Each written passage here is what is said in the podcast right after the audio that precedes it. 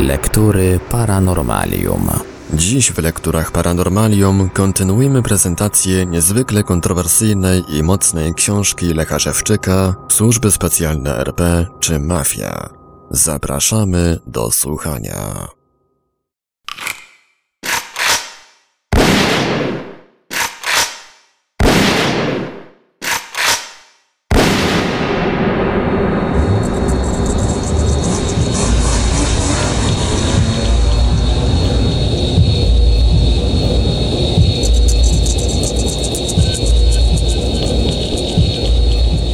Kilku dniach znów dotarł do mnie konkretny znak, a było to w zamieszkałym hotelu. Zwrócił moją uwagę grający na gitarze i śpiewający człowiek. W pewnym momencie usłyszałem w refrenie słowa Polakiem jesteś, pamiętaj.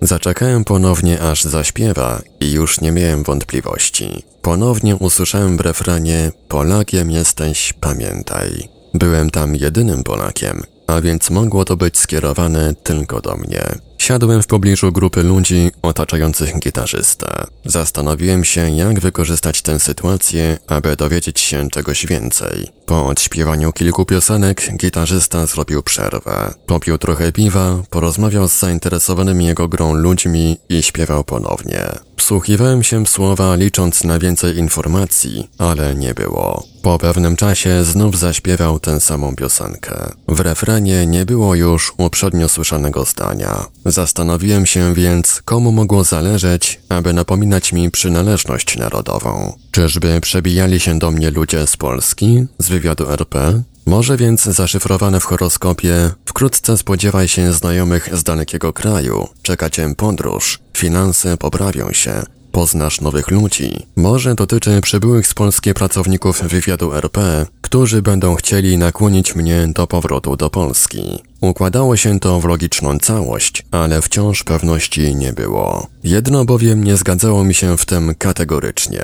To, co się stało, było za trudne dla pospolitych rzezimieszków z wywiadu RP. Chyba, że pomagał im w tym któryś z normalnych wywiadów. Postanowiłem kręcić się w pobliżu gitarzysty, aby dać mu okazję do przekazania mi bardziej konkretnych informacji. Wszystko jednak wskazywało, że nic więcej nie powie. Rozumiałem go, dlatego nawet nie próbowałem nawiązać z nim rozmowy. Mówi się, że ściany mają uszy, ale nie tylko. Powietrze też może mieć uszy i właściwie nie da się rozmawiać tak, aby ktoś tego nie słyszał. Są mikrofony kierunkowe, paraboliczne, laserowe oraz inne techniki, przy pomocy których rozmowy można słyszeć nawet z bardzo daleka. Znając możliwości oraz techniki, którymi posługują się służby specjalne, zdałem sobie sprawę, że moi nadzorcy musieli zorientować się, że ktoś stara się do mnie dotrzeć. Przypuszczam, że też dlatego w tym czasie pogorszyło się traktowanie mnie i nasiliły różne represje.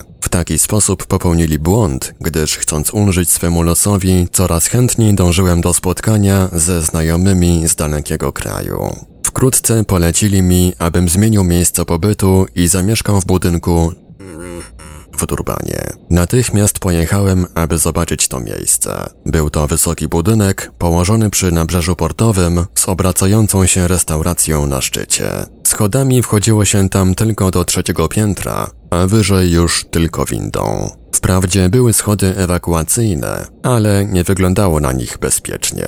Do restauracji na szczycie prowadziła osobna winda. Na parterze była dyżurka mundurowych strażników, obserwujących wejście całą dobę. Były też i zakamuflowane zabezpieczenia elektroniczne. Budynek jest więc dobrze strzeżony, pomyślałem. Czyli można w nim mieszkać bezpiecznie, ale też łatwo być inwigilowanym i pilnowanym. Później dowiedziałem się, że rzeczywiście w budynku tym mieszkają ludzie, których służby specjalne RPA chcą mieć na oku. Z tego właśnie powodu mieszkało tam też wielu agentów tych służb. Ktoś mógłby zapytać, jak można skoncentrować ludzi, których się chce w jednym miejscu. Jest to możliwe, a dla służb specjalnych nawet łatwe.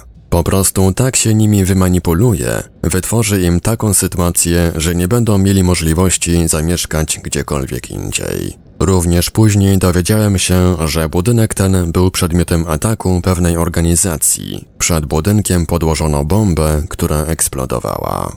Właściwie nie miałem nic przeciwko, aby zamieszkać w tym budynku. Miałem jednak świadomość, że miejsce to nie może być dla mnie dobre. Choćby dlatego, bo zauważyłem coraz gorsze traktowanie, jakby mieli do mnie jakieś zastrzeżenia. Jeżeli więc kazali mi tam zamieszkać, to na pewno będzie to ze szkodą dla mnie. Postanowiłem więc rozejrzeć się w innych miejscach wynajmu mieszkań.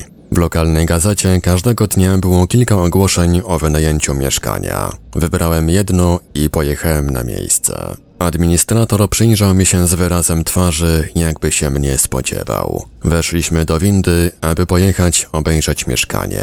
W windzie był już mężczyzna z błędnym wzrokiem, trzymający na wysokości piersi szpachelkę z ostrzem skierowanym ku górze. Spojrzałem na administratora, ale ten nie reagował. Zanim wysiedliśmy na właściwym piętrze, obserwowałem czujnie posiadacza szpachelki, czy nie zamierza zrobić z niej jakiegoś użytku. Pojechał w tej samej pozycji na wyższe piętro. Gdy stanęliśmy przed drzwiami i spojrzałem na konstrukcję, już wiedziałem, że nie mogę w tym mieszkaniu zamieszkać. Z grzeczności jednak wszedłem do środka, aby zobaczyć całość. Wewnątrz czuć było szczurem. Podszedłem do okna, obejrzałem je uważnie, po czym spojrzałem na zewnątrz. Miałem rację. Był to przykład mieszkania z łamaniem wszelkich zasad bezpieczeństwa. Drzwi składane z segmentów, rozkładane na części, prowadziły prosto do pokoju sypialnego. Dało się je wypchnąć barkiem i dopaść lokatora, zanim zdążyłby sięgnąć po broń. Równie łatwo dało się wejść do mieszkania przez okno. Podziękowałem administratorowi, dodając, że rezygnuję.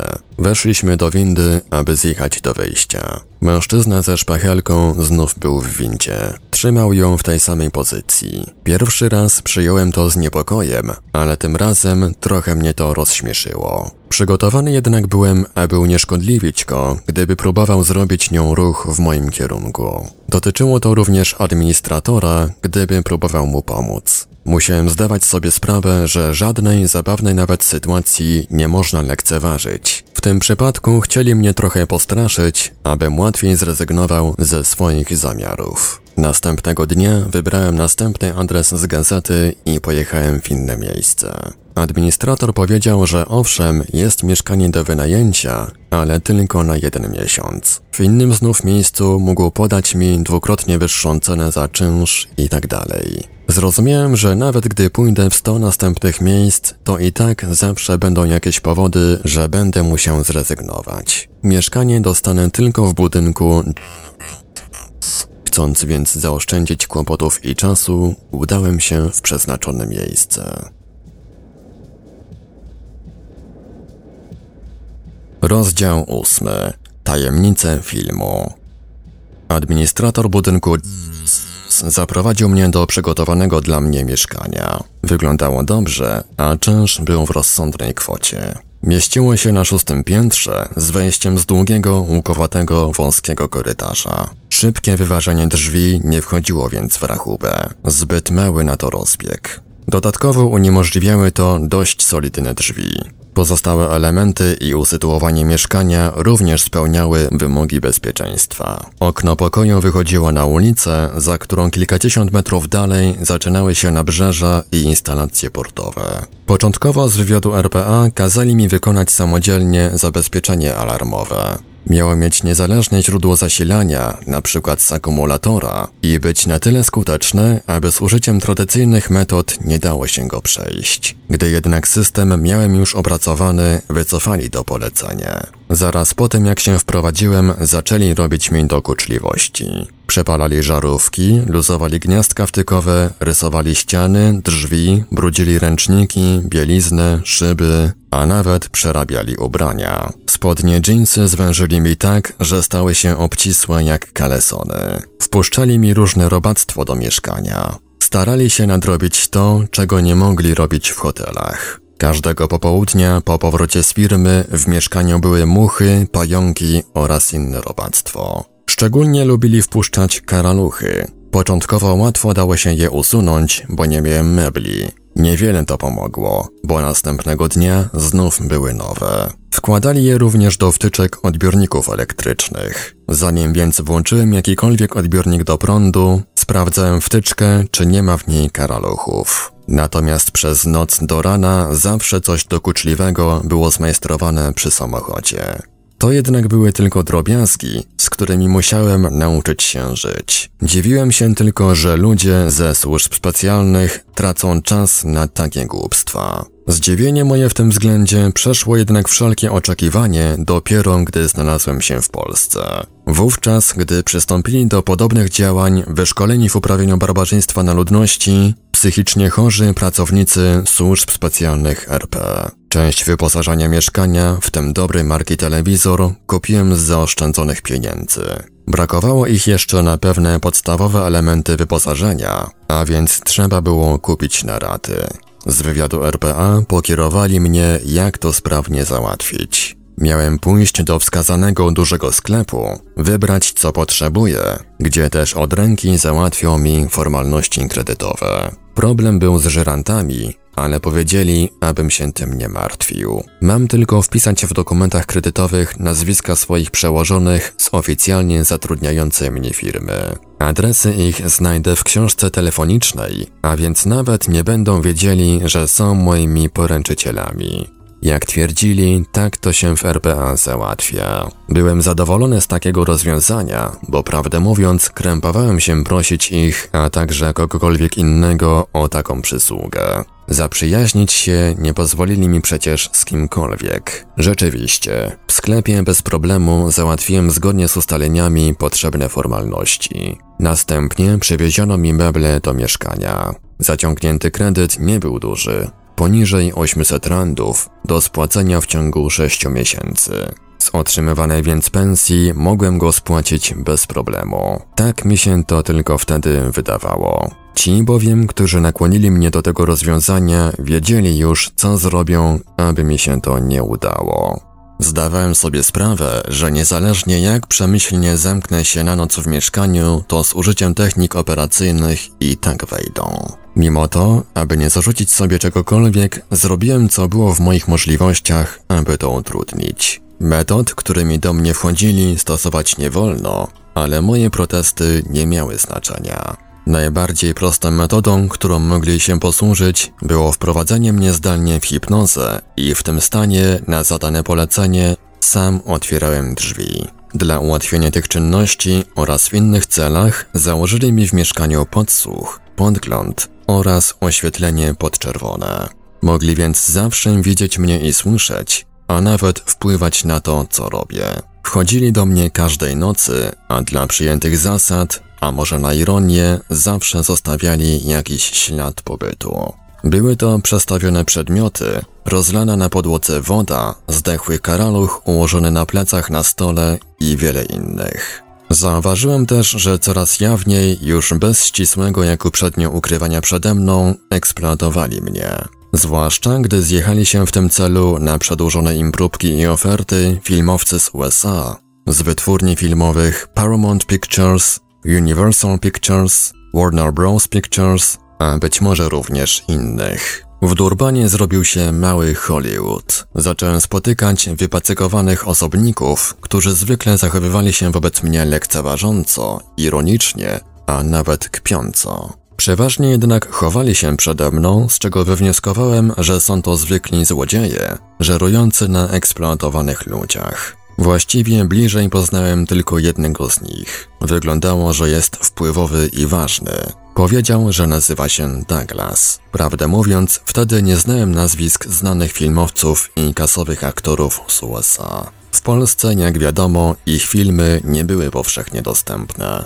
Natomiast w czasie pobytu w RFN oraz RPA jakoś nie miałem kinowych zainteresowań. Niewiele też wiedziałem na temat produkcji filmów, a nic na temat zakulisowych spraw tego biznesu. Wiedziałem tylko, że byłem eksploatowany w tej branży uprzednio w Polsce. Materiał do produkcji filmów filmowcy z USA eksploatowali ze mnie dwoma sposobami. Pierwszy sposób był bardziej pracochłonny. Ale przy nakręcaniu filmu na jego podstawie dało się zachować pozory, że nagrywa się go w sposób naturalny.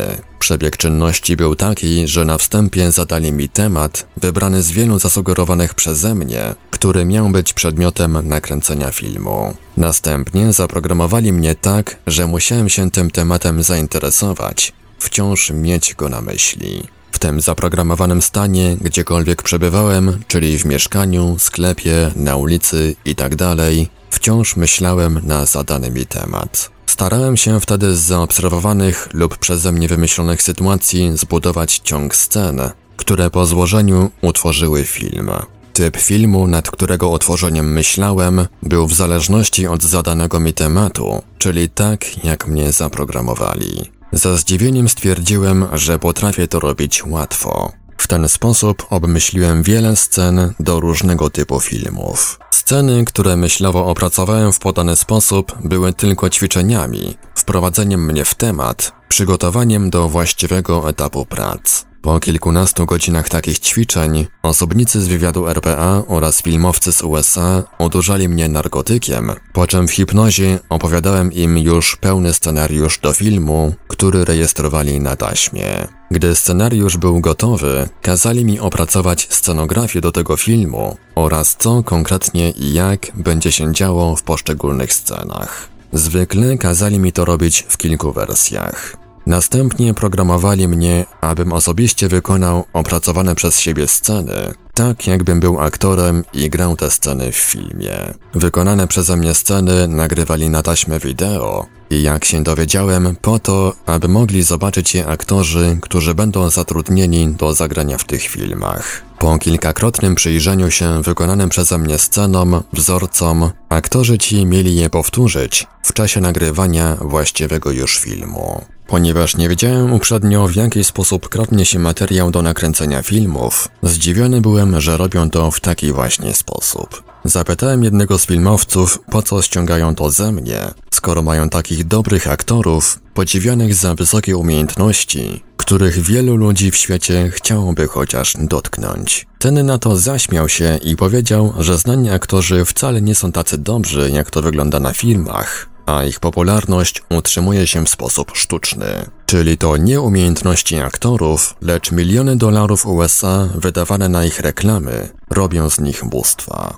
Później pieniądze te zwracają z nawiązką ludzie, płacąc po kilka dolarów za bilety do kina, aby ich zobaczyć. Tak więc, aby aktorzy mogli zagrać z wymaganym efektem, muszą zobaczyć przykłady czynności, które wykonają na filmach. Takie, które eksploatowali ze mnie, właśnie z przeznaczeniem dla nich, jako wzorzec do skopiowania. Przeważnie też aktorzy grający sceny w filmach są zaprogramowani lub dodatkowo w hipnozie, naśladując tylko w tym stanie uprzednio oglądane przykłady, Wzorce wykonane przez innych, wyzyskiwanych ludzi. Wykonujący wzorce scen ludzie potrafią zwykle lepiej zagrać je niż robią to później znani aktorzy w filmach. Jednakże nie oni są znani, dlatego film nie przyniósłby tak olbrzymich zysków, jak z udziałem rozreklamowanych aktorów. Ponadto ludzie ci są zwykle eksploatowani, pracują za darmo, zmuszani narkotykami i hipnozą do wykonania potrzebnych prac. Zdarza się nawet, że o tym nie wiedzą, a powstałe na skutek eksploatowania dolegliwości przypisują innym przyczynom. Zrozumiałem więc, dlaczego wypacykowani sztuczni artyści przekazują mi szydercze pozdrowienia. Robili to z zawiści, że ze mnie można z łatwością wyeksploatować cały materiał do zrobienia filmu, a oni muszą pokornie zabiegać u dysponujących mną ludzi, aby się na niego załapać. Gdyby ich Oscary wiedziały, jakimi metodami zostały zdobyte, to przynajmniej by się poprzewracały. Podobny sposób filmowcy z USA eksploatowali ze mnie przykłady wzorce, również do ról kobiecych. Komponowałem również muzykę do filmów opracowanych według mojego scenariusza. Eksploatowali więc ze mnie kompletne materiały do zrobienia filmów. Reszta to już tylko pewne zabiegi techniczne, i podstawieni aktorzy. Przy obecnym stanie techniki do zrobienia filmu właściwie potrzebny jest tylko scenariusz, a ze mnie uzyskiwali znacznie więcej. Mając dobry scenariusz, to już prawie jakby miało się film. To dlatego filmowcy płacą za sam scenariusz nawet 3 miliony dolarów amerykańskich. Tak więc Douglas nie ukrywał zadowolenia, bo trafiła im się żyła złota. Był nawet zaskoczony, że wszystkie potrzebne prace potrafi wykonać tak łatwo i dobrze. Starałem bronić się przed barbarzyńskim wyzyskiem, ale szanse, aby osiągnąć cokolwiek, były znikome. Celem zwiększenia wydajności eksploatowali mnie również inną metodą. Robili to w czasie snu, stosując tak zwaną metodę programowanych snów. Z chwilą, gdy pracownicy wywiadu RPA zamienili szkolenie mnie na wyzysk, ograniczyli mi również dostęp do nowoczesnych technik stosowanych w wywiadzie,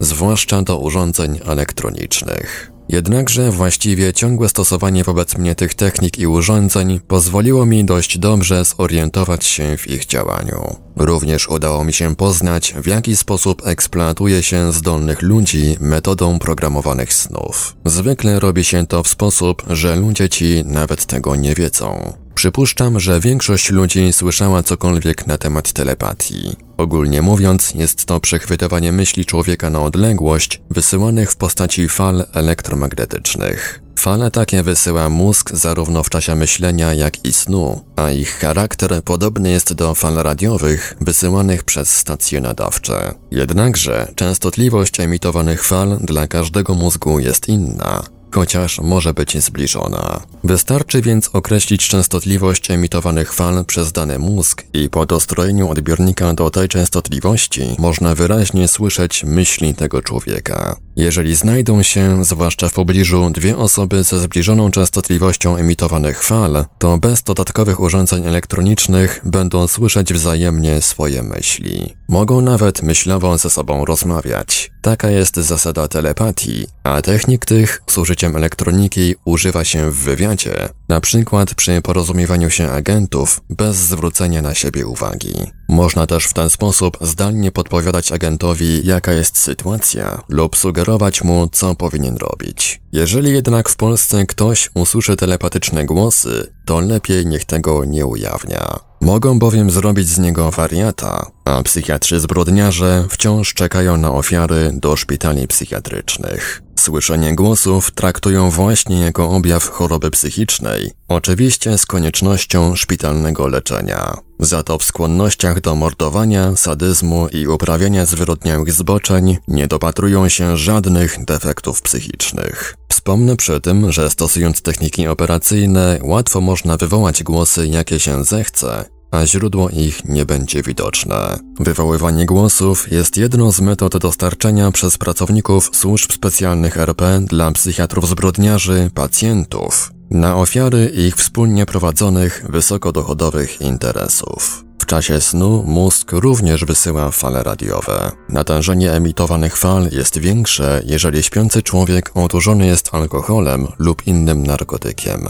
Wiadomo też, że tak jak świadomość kieruje myślami człowieka, tak podświadomość kieruje jego snem. Działanie podświadomości można przejąć i kazać człowiekowi śnić dosłownie wszystko, co się zechce. Znów jest to znacznie łatwiejsze, gdy śpiący człowiek udurzony jest narkotykiem. Jeżeli sztucznie narzuci się komuś sen, spowoduje, że będzie śnił na konkretny temat, wtedy mówi się, że jest to programowany sen. Analogicznie jak emitowane myśli można nagrać na taśmę magnetofonową, tak również sen można nagrać na taśmę wideo. Sygnały wysyłane przez mózg śpiącego człowieka można odebrać nawet ze znacznej odległości. Trzeba je tylko wzmocnić umieszczonym bezpośrednio w mózgu lub w pobliżu tego człowieka mikroprocesorem. Eksploatujący więc człowieka metodą programowanych snów mogą to robić ze znacznej nawet odległości. Reszty dokona komputer, który przetworzy odebrany sygnał na sygnał wizyjny i na ekranie monitora widać, co się śpiącemu śni. Obrazy te można oczywiście zarejestrować na taśmie wideo. Uzyskiwanie materiałów do robienia filmów podaną techniką nazywa się metoda programowanych snów. Mówi się przecież Hollywood fabryka snów. Praktycznie przeprowadza się to w ten sposób, że śpiącemu człowiekowi programuje się sen na konkretny temat, który jest przedmiotem robienia filmu. czyli sugeruje się temu człowiekowi, aby śniły mu się konkretne sceny, nawet z twarzami znanych aktorów. Mogą to być sceny począwszy od koszmarów, z których robi się horrory, aż do sentymentalnych sielanek miłosnych. Najtrudniej jest zdobyć w ten sposób sceny do filmów komediowych. Często sceny te każe się wyśnić człowiekowi w kilku wersjach, a całość nagrywa się na taśmie wideo. Można też kazać śpiącemu człowiekowi wracać te sceny, wyśnić ponownie, z poprawkami, aż ich poziom zadowoli reżysera. Zupełnie jak przy tradycyjnym nagrywaniu filmów. Reżyser każe grać aktorowi wielokrotnie sceny, z których do montażu filmu wybiera się najlepsze. Ponadto śpiący, eksploatowany człowiek zwykle odurzony jest narkotykiem. W takim bowiem stanie łatwiej można oprogramować go, sugerować mu sceny snu. Również człowiek odurzony narkotykiem z pobudzoną znaczną częścią mózgu potrafi śnić z większą pomysłowością, fantazją oraz budować sceny na wyższym poziomie technicznym. Nagranie na taśmie wideo snu człowieka nie jest jakąś rewelacją uzyskaną przez obecną cywilizację. Problem jednak w tym, że tego rodzaju techniki jak programowanych snów używane są przez świat biznesu i przestępczy dla uzyskania olbrzymich pieniędzy. Informacje na ten temat są więc ściśle chronione. W Polsce z ludzi, którzy cokolwiek mówią na temat tajnych technik, służby specjalne robią wariatów. W praktyce wywiadowczej oraz innych stosuje się tak przemyślne, zminiaturyzowane urządzenia, pełniące tak nieprawdopodobne funkcje, że dla przeciętnych ludzi temat ten jest sferą fantazji. Po pewnym czasie, gdy byłem już w Polsce, wiele zrabowanych ze mnie scen rozpoznałem, w tym na bardzo kasowych filmach. Jednakże zdecydowaną większość materiału eksploatowali ze mnie w hipnozie i metodą programowanych snów. Całości więc z wiarygodnymi dowodami tych przestępstw można dowiedzieć się dopiero po wprowadzeniu mnie w hipnozę. Jak się dowiedziałem wówczas w RPA, za każdy komplet wykonanych przeze mnie prac, D i spółka reprezentujący służby specjalne RPA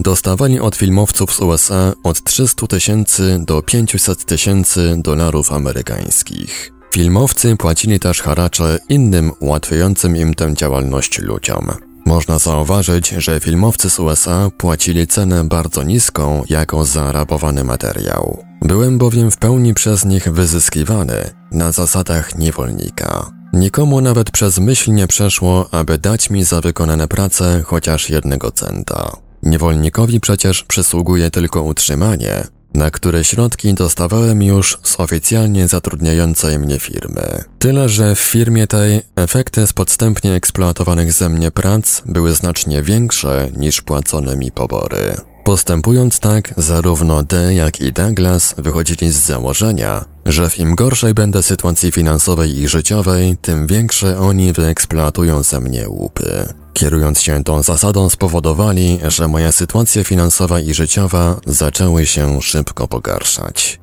D popełniał szereg błędów, ale żadne argumenty nie zdołały go o tym przekonać. Starałem się wytłumaczyć mu, w jaki sposób powinien postąpić, aby zyski z tego biznesu miał wielokrotnie większe. Wprawdzie w RPA nie było wytwórni filmowej, ale dałoby się ją szybko zorganizować. To właśnie proponowałem D zrobić. Znałem jednego bezrobotnego emigranta, aktora z Krakowa, a także wiedziałem, że w Kapsztadzie jest drugi Polak, który już coś w tej dziedzinie robił. D na pewno znalazłby w RPA takich ludzi więcej. Innych potrzebnych do tego biznesu fachowców dałoby się sprowadzić z Europy i Japonii. Można więc było zorganizować legalną wytwórnię w Durbanie i z uzyskanego ze mnie materiału robić oficjalnie filmy na miejscu. Wtedy to Douglas zamiast materiału mógłby kupić gotowy film i za zamieszczenie przed nim znaku na przykład Warner Bros. Pictures zarobiłby tyle, ile płacił za gotowy materiał, czyli 300 tysięcy do 500 tysięcy dolarów amerykańskich. Natomiast reszta zysków przypadłaby udziałowcom wytwórni. Dokładnie więc odwrotnie niż to było w tamtym układzie. W zamian za dobrowolne wykonywanie materiałów do filmów chciałem tylko, aby chronili mnie i pozwolili normalnie żyć. Wiadomo mi, że D na krótko załapał ten pomysł. Nawet zaczął rozglądać się za bezpiecznym miejscem, gdzie miał być wybudowany dla mnie dom. Zrezygnował jednak. Widocznie wolał dostać drobne i zostawić sprawę jaką była. Zaważyła tu psychotyczna żądza sprawowania nade mną pełnej władzy. Nie chciał jej choćby na trochę utracić. Natomiast Douglas wciąż kombinował, jak zwiększyć wydajność biznesu. Próbował nawet kupić mnie od D i wywieźć do USA. Ten jednak nie potrafiłby sprzedać komukolwiek swojej zabawki, bo chciał dalej bawić się mną, aż do zamęczenia na śmierć. Z tego co dowiedziałem się, Douglas szykował mi jeszcze gorszy los. W USA nie miałbym już kontaktu ze światem i przestałbym istnieć jako człowiek w ogóle. Prowadzony na dużą skalę, tak dochodowy filmowy biznes nie uszedł uwadze obcym wywiadom. Też chcieli dostać w nim udział. Zakładali więc w pobliżu mnie podsłuchy i podglądy, aby zdobyć dowody popełnionych przestępstw i uzyskać haracze za zachowanie tajemnicy. Była w tym jednak i dla mnie pewna szansa. Znaleźli się bowiem tacy, którzy chcieli pozyskać mnie i zorganizować taki sam biznes, ale na ludzkich dla mnie zasadach. Byli to agenci wywiadu kraju Y. Wyglądało na to, że byli to jedyni mądrzy ludzie, którzy przez wiele lat trwania tej afery wiedzieli, jak należy postępować ze mną, aby zarobić dużo pieniędzy i nie mieć kłopotów. Jako jedyni rozumieli też, że z eksploatowanego materiału osiągnie się wielokrotnie mniejsze zyski niż z uzyskanego drogą legalną. Haracze bowiem za tuszowanie takiej barbarzyńskiej działalności, płacone ludziom, którzy ją znają, mogą pochłonąć nawet i cały łup. Agenci kraju Y, jak i z kilku innych wywiadów, zebrali dużo dowodów tej działalności. Inni zadowalali się tylko udziałami w zagarniętych łupach. D najbardziej więc pilnie poszukiwał wokół mnie podsłuchów i podglądów agentów kraju Y. Robiło się coraz większe zamieszanie, tak że przestało być wiadomo, czy D śledzi obce wywiady, czy te śledzą jego. Zbudziłem się w środku nocy i usiadłem na tapczanie. Wewnątrz był D i kilku agentów z jego ochrony. Z zachowaniem środków ostrożności zerkam za okno w kierunku portu. Chciałem wstać, ale kazali mi zostać w tej samej pozycji. Spojrzałem obok, gdzie kładłem zawsze na noc rewolwer, ale go tam nie było. Z sytuacji wynikało, że szykuje się coś wyjątkowego, i rzeczywiście, nagle w pokoju rozległ się głos przekazany przez pewien system łączności. Pochodził z portu, gdzie właśnie co chwilę spoglądał D. Usłyszałem w języku polskim zdanie: Jesteśmy Polakami. Przyjechaliśmy zabrać cię do Polski. Czy chcesz z nami wrócić? W pokoju wraz z D był też jeden Polak, jego agent, który natychmiast przetłumaczył mu przekazane mi zdanie. Ten jednak zażądał, aby rozmowę prowadzić w języku angielskim. Na szczęście jeden z grupy przybyłych Polaków z wywiadu RP mówił po angielsku, a więc było to możliwe. Mieli bazę na jednym z handlowych statków, a dotrzeć do mnie pomogli im agenci jednego z zachodnich wywiadów. W zamian mieli dostać udział w zyskach, które powstałyby z wykonanych przeze mnie prac po wydostaniu mnie z RPA. Potrzebowałem chwili, aby dotarło do mnie, co się dzieje, po czym na zadane pytanie odpowiedziałem twierdząco. D nie wydał się być tym zaskoczony, jakby właśnie takiej u mnie odpowiedzi spodziewał się. Musiał więc znać już tę sprawę wcześniej i w hipnozie wybadać mnie, jak na to pytanie zareaguje. Polacy z wywiadu RP byli więc na dobrej pozycji. Mieli bowiem dowody eksploatowania mnie, łamania moich praw człowieka i co najważniejsze, moją zgodę na powrót z nimi do Polski. Problem był tylko taki, jak rozegrać sprawę, aby moi dotychczasowi właściciele pozwolili mi wyjechać z RPA. Polacy z tajnych służb przecież popełnili na mnie w Polsce znacznie więcej przestępstw niż w RPA pracownicy tamtejszych służb specjalnych. Stawianie więc D zarzutów mogło brzmieć jak przegadał kocioł garnkowi. Przypomniały mi się testy przeprowadzone mi w RPA na lojalność i tendencje do zdrady. Wypadły lepiej niż w tym względzie wymagano. Skąd więc u mnie decyzja powrotu do Polski, którą podjąłem chętnie i natychmiast? Po prostu zwykłą głupotą byłoby pozostawać w RPA i służyć ludziom, którzy mnie eksploatują i poniżają. Liczyłem na to, że w Polsce będzie lepiej i poprzednie incydenty nie będą miały już miejsca. Rozumowałem, że Polska to mój kraj a więc w razie podobnych kłopotów zwrócę się po pomoc do władz. Jeżeli tak mi się wtedy zdawało, to nie dotarło jeszcze do mnie, jakiej rangi barbarzyńcy występują w służbach specjalnych RP. Od czasu wprowadzenia stanu wojennego w Polsce sytuacja im się unormowała i groźba ujawnienia przestępstw, przy popełnianiu których mnie wykorzystali, minęła. Zapragnęli więc mnie odzyskać i sprowadzić z powrotem do Polski. Chcieli kontynuować przerwaną uprzednio działalność. Zamiary ich nie były mi wówczas znane. W każdym razie wtedy uzgodniliśmy, że puścimy w niepamięć stare dzieje i będę oficjalnie agentem wywiadu RP. Jak twierdzili, nieoficjalnie byłem już nim od dawna i nawet mam stopień oficerski. Jaki stopień? Wtrącił D. Chwytał się wszystkich argumentów, aby przekonać mnie, że popełniam błąd. Na to rozmawiający ze mną po angielsku pracownik wywiadu RP naradził się z innymi, po czym odpowiedział, że porucznika. A u mnie jest kapitanem. Przelicytował D. Na to Polak zrobił mnie majorem, natomiast D pułkownikiem i tak dalej, aż zostałem generałem obydwu wywiadów. Pracownicy wywiadu RP obiecali mi złote góry. Godzili się na wszystko, co chciałem, bylebym nie zmienił zdania. Chciałem niewiele, tylko udziału w wykonywanych przeze mnie pracach, abym mógł zbudować sobie w Polsce dom i założyć rodzinę. Byli dla mnie aż tak dobrzy, że nawet obiecali znaleźć dla mnie partnerkę na żonę z odpowiednimi cechami fizycznymi, psychicznymi i osobowością, które będą idealnie pasowały do moich cech. Oni ci dadzą taką, co będzie miała organa wewnętrzne od psa, skwitował to D. Czas pokazał, że miał więcej niż rację. Barbarzyńcy z wywiadu RP wciąż wściekle pilnują, abym nie miał partnerki w ogóle. Dalej jesteś naiwny, ciągnął D. Tak jakbyś nie wiedział, co z tobą zrobili. Żadne jednak argumenty nie zdołały odwieść mnie od uchwyconej szansy. Przede wszystkim chciałem uwolnić się od D i zgrai złodziei z USA. Przybyli do RPA Polacy z wywiadu RP poinformowali mnie też, że w związku, że jestem ich agentem, mam płaconą pensję. Od czasu, gdy wyjechałem z Polski, a więc już gdy byłem w RFN.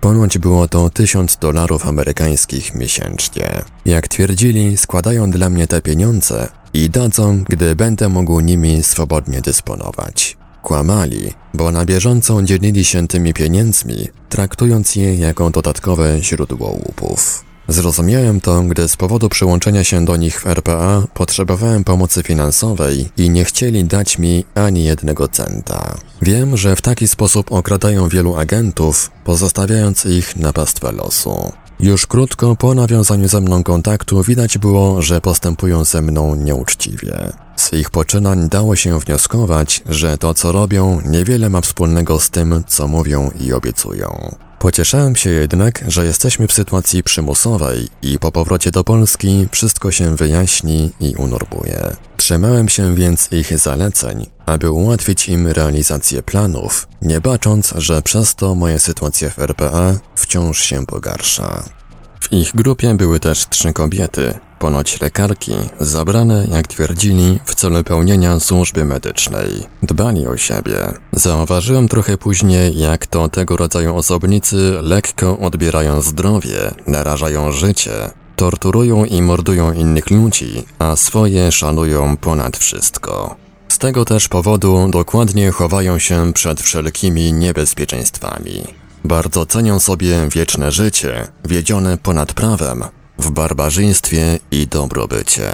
Przypuszczam, że kobiety te były jednak pielęgniarkami, bo oficerowie wywiadu RP w towarzystwie lekarek mogliby czuć się skrępowani. Chyba, że przytępili je sztucznie znanymi im metodami, aby przystosować do swojego poziomu. W rzeczywistości kobiety te udurzali narkotykami i uprawiali na nich swoje zboczenia. Lubili też i siebie wzajemnie. Agenci wywiadu RPA założyli im na statku podgląd i podsłuch, tak że zdobyli dowody tych poczynań. Pokazali mi je, mając na uwadze, że jednak zrozumiem, z kim mam do czynienia. Zwykle w takich przypadkach oficerowie wywiadu RP zabierają dla tych celów podległe im pracownice, które chętnie, bez użycia narkotyków, pełnią powierzone im zadania. W tym przypadku zabrali jednak normalne kobiety. Prawdopodobnie obawiali się, że gdy sami pójdą kraść, to standardowe pracownice wywiadu RP wyskoczą również pod hotele na zarobek. W RPA proceder taki był karalny, a więc mogłyby przynieść wstyd i dużo kłopotów. Ci najważniejsi z przybyłej grupy bali się w ogóle wyjść ze swojej meliny. Mimo, że zgodnie z ustaleniami mieli zagwarantowane bezpieczeństwo. Właśnie ze strachu, bojąc się ryzykować samym, najpierw na próbę wysłali do mnie jedną z tych kobiet. Była pewna, że nic jej nie grozi, a może dlatego, bo nie znała się na sprawach, w których się nią posłużyli. Na wypadek aresztowania ufała tym, którzy ją wysłali, nieświadoma, że dla nich nie przedstawia żadnej wartości. Pozbawieni bowiem skrupułów, oficerowie wywiadu RP dbali tylko o to, aby zagarniając łupy, samym nie narazić się na niebezpieczeństwo. Kobieta ta była u mnie w mieszkaniu dwukrotnie. Kazali jej przekazać mi, że sprawy posuwają się dobrze i wkrótce razem wrócimy do Polski. Gdy już przekonali się, że kobiety tej nikt nie próbował aresztować, wtedy dopiero wysłali do mnie najniższego stopniem oficera. Tego właśnie, który znał język angielski i był on jedynym, który odważył się opuścić Melinę. Pozostali cały czas tchórzliwie chowali się, spędzając czas na uprawianiu swoich zboczeń. Z późniejszego przebiegu wydarzeń wynikało, że w razie kłopotów jego również zamierzali poświęcić na kozła ofiarnego. Oficer ten był pośrednikiem między D i pozostałymi członkami grupy z wywiadu RP. Ze mną kontaktował się na terenie jednego z magazynów, do którego mogłem wchodzić bez wzbudzenia podejrzeń. Tak to właśnie polecił zorganizować D.